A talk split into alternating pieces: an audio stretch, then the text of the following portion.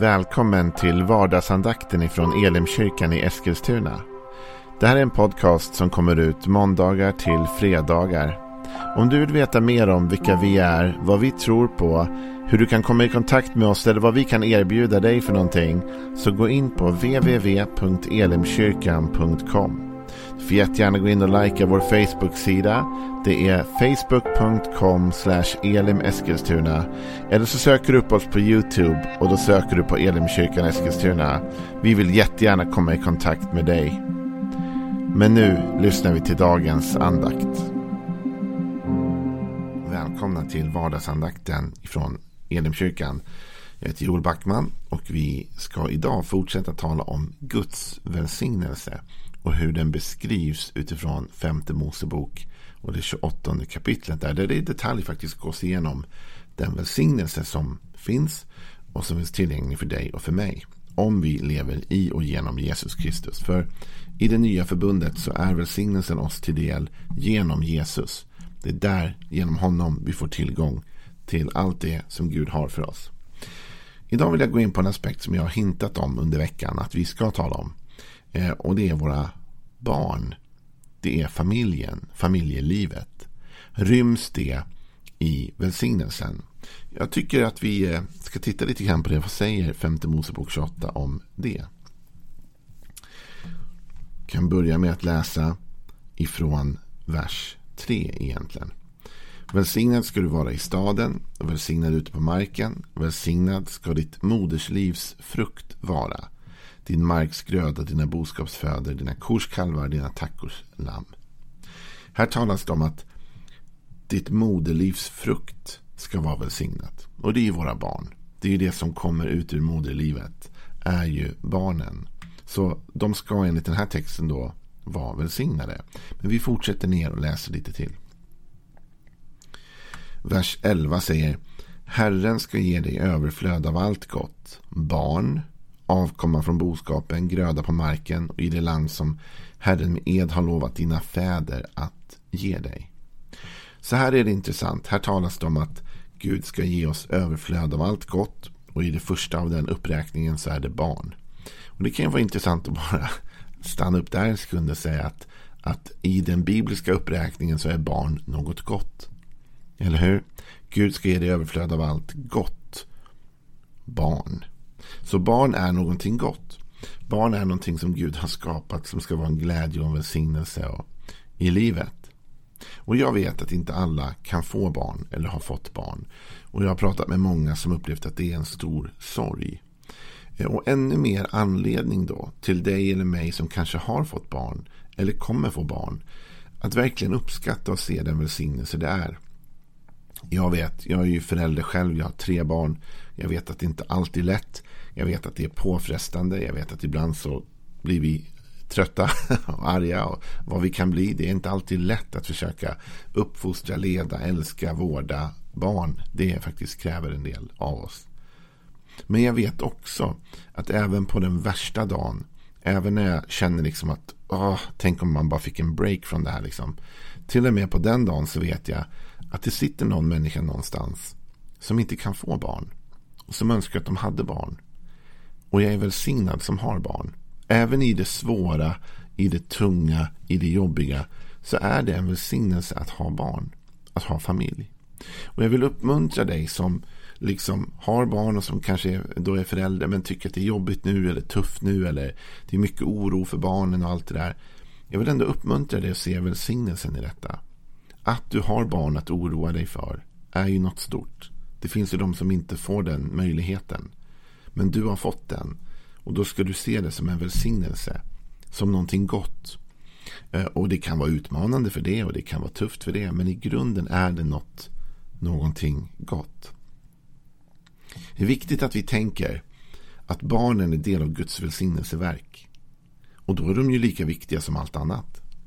Moderlivsfrukten är välsignad här enligt den här berättelsen.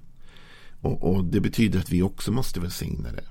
Och i församlingar och i kyrkor måste vi lyfta upp barnen och ge dem både utrymme och möjlighet att leva och röra sig. Det finns två eller flera aspekter av det här som jag vill få lyfta fram lite grann. Det ena är ju då som sagt att det är en välsignelse att få barn och att ha barn. Och att Gud vill välsigna våra barn. Och därför tror jag att det är viktigt att vi lägger våra barn inför Gud i bön. Att vi för dem inför Gud. Jag ber ofta för mina barn. Jag ber med mina barn. Jag försöker inkludera dem i detta. Men det finns en sak här. Som är viktig att tänka på. Och som jag skulle vilja få försöka peta in i dig idag. Som förälder. Och det står så här. Att de skulle få någonting här på grund av sina fäder. Faktiskt. Vi ska läsa dig. Så här står det i vers 11 var det väl va? Vi läste. Herren ska ge dig överflöd av allt gott. Det var det vi läste. Barn, eller hur? Eh, men så fortsätter det. Avkomma från boskapen och gröda på marken. I det land som Herren med ed har lovat dina fäder att ge dig. Så här talas det om att de ska få ett land. Och varför ska de få det här landet? Därför Gud har gett ett löfte till deras fäder. Så med andra ord, den generation som Gud talar till här säger han till. Ni kommer att bli välsignade på grund av era föräldrar. På grund av era fäder. På grund av att jag hade ett avtal, en deal med dem. Så kommer nu ni bli välsignade. Och i det finns en utmaning till dig och mig. Jag tänker så här. Det är faktiskt ditt och mitt ansvar att också se till att Guds välsignelse vandrar ner till våra barn. Det liv jag lever kan spilla över på mina barn. Det hur jag har min relation med Gud kommer påverka även nästa generation. Det här är faktiskt något oerhört intressant med Bibeln. Att välsignelsen i det gamla testamentet, lite annorlunda i nya, det vet ni, men i det gamla testamentet så gick välsignelsen generationellt. Det var fäderna som välsignade barnen i led. Och det är det här som det blir ett stort bråk om också. Därför att den förstfödde skulle få välsignelsen. Och du vet Jakob och Esau. De lurar, Jakob lurar Esau på, på välsignelsen och först, förstfödslorätten och allt det där. Men ändå är det så att det går generationellt. Så du och jag har möjlighet här att positivt påverka våra barns liv med Guds välsignelse. Och då finns det något mer att säga om det. Om man får utmana dig lite den här dagen. Det är att ofta vill vi skjuta ifrån oss det ansvaret. Ofta vill vi som föräldrar tänka att liksom, nej, det där är liksom kyrkans ansvar. Det är söndagsskolans ansvar. Vad gör kyrkan för mina barn? Vad gör kyrkan för min tonåring? Vad gör kyrkan för liksom de unga och de små? Och det är sant att kyrkan bör arbeta hårt med detta och bör lägga ner både tid, resurser, bön och allt vad vi kan på den unga generationen. Det är superviktigt. Men det är också viktigt att tänka att det yttersta ansvaret inte vilar på kyrkan utan på mig som förälder. Det är trots allt jag som ska se till att mina barn fortsätter den här vägen. Det är jag som ska fostra mina barn på Guds väg, på sanningens väg, i en relation med Jesus. Det är jag som ska leda dem in i välsignelsen. Och hur gör man det egentligen? Det kan man ju fundera mycket på. Det finns eh, några bibelverser som talar lite grann om det faktiskt. Till exempel en eh, som står i femte Mosebok 11 och 19. Och den här tycker jag är spännande. Lyssna. Ni ska lära era barn dem. Alltså, här talas det om Guds regler och, och traditioner och allt detta. Ni ska lära era barn dem genom att du talar om dem när du sitter i ditt hus och när du går på vägen och när du lägger dig och när du stiger upp. Det här är ju lärningens centrum. Ni vet att man brukar prata om det här på något sätt. Att barn gör inte som man säger utan de gör som man gör. Med andra ord, barn iakttar. Barn ser. Och här talar då Gud till Mose och folket och säger att det sätt ni ska lära era barn på det är inte att främst trycka i dem massa kunskap bara på ett sätt. Ehm, även om han talar om att man ska undervisa dem. Men det handlar om att du ska leva ut detta. Han säger så här. Du ska tala om dem när du sitter i ditt hus. När du går på vägen. När du lägger dig och när du stiger upp.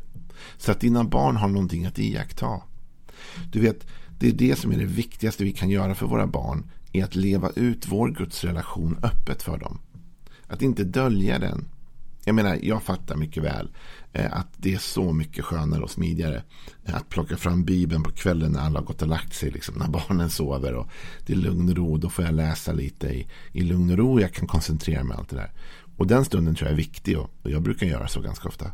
Men ibland, då och då, tror jag också att det är viktigt att plocka fram Bibeln då barnen ser det. Barnen behöver få se mamma och pappa sitta och läsa Bibeln. De behöver få se att pappa engagerar sig i det här, att det här är viktigt. De behöver få se att jag lägger energi på det. Och man kan också tänka så här, vad pratar vi om hemma? Vad pratar vi om vid frukostbordet, vid middagsbordet och överallt? Och jag menar inte nu att varje liksom frukost måste bli ett bibelseminarium. Jag menar inte att, liksom, att det enda vi kan prata om i det här huset är Jesus och inget annat. Va?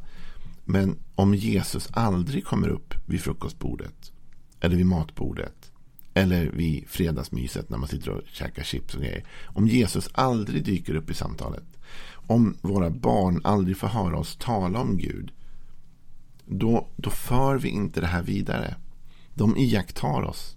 Och hur ska vi tro att om de aldrig ser oss prata om Gud eller leva i relation med Gud eller prioritera Gud. Hur i hela världen ska vi tro att de ska göra det? De måste ha någonting att se på.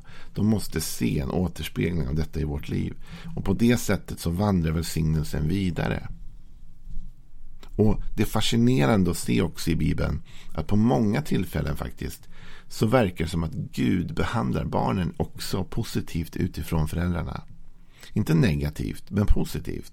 Med andra ord, det finns något tillfälle då Gud säger till Salomo att eh, eh, på grund av din fader David. På grund av din fader David. Så då, då är det liksom så att, att okej, okay, det är på grund av David som jag får leva i den här välsignelsen nu. Till folket här sa han, på grund av mitt förbund och vad jag har lovat era fäder. Jag hoppas någon gång i framtiden, du vet, att när mina barn står inför någon svår situation eller något jobbigt, att Gud ska säga på grund av, på grund av din pappa och din mamma, på grund av deras böner och deras relation till mig och på grund av det jag lovade dem så ska jag hjälpa dig nu för att jag har lovat dem någonting. Du vet, Gud är trogen sina löften. Till och med efter att David hade dött och flyttat till himlen så, så tog Gud i beaktan vad han hade lovat David. Och till och med här när de här fäderna redan inte är kvar på jorden så tar Gud ändå i beaktan vad han hade lovat dem. Och låter det påverka deras barns liv. Vad jag vill ha sagt idag är det här. Nummer ett. Barn är en välsignelse. Det finns på flera ställen i Bibeln. Psalm 127 och 3 säger till exempel Se, barn är en Herrens gåva. Livsfrukt är en lön. Så här talas det om att wow, barn är en välsignelse. Barn är en gåva. Men det andra jag ville säga är att dels är barn en välsignelse som Gud välsignar oss med. Men det är också vi som påverkar hur våra barns liv blir. Och Det är vi som är kallade och satta att föra Guds välsignelse vidare in till nästa generation. Det ansvaret vilar på dig och mig. Det vilar inte på någon annan. Det är så lätt att lägga över det på någon annan. Det är samhället som inte längre liksom sprider de här värderingarna. Det är kyrkan som inte gör sitt. Det är den och den. Men vänta nu, det är du och jag som föräldrar som har ett ansvar för våra barn. Och vi kan inte styra och ställa våra barns liv helt och vi kan inte liksom tvinga dem att bli kristna eller tvinga dem att följa Jesus och vi kanske gör det bästa vi kan och det inte räcker till ändå. Men det handlar inte om att tvinga dem till något utan det handlar om att sätta ett eget exempel. Det handlar om att Efesierbrevet till exempel 6 och 4 säger och ni fäder reta inte upp era barn utan fostra dem och förmana dem i Herren. Och som vi läste från femte Moseboken. Att vi ska lära dem genom att vi talar om Gud. När vi sitter i vårt hus och när vi går på vägen och när vi lägger oss och när vi stiger upp.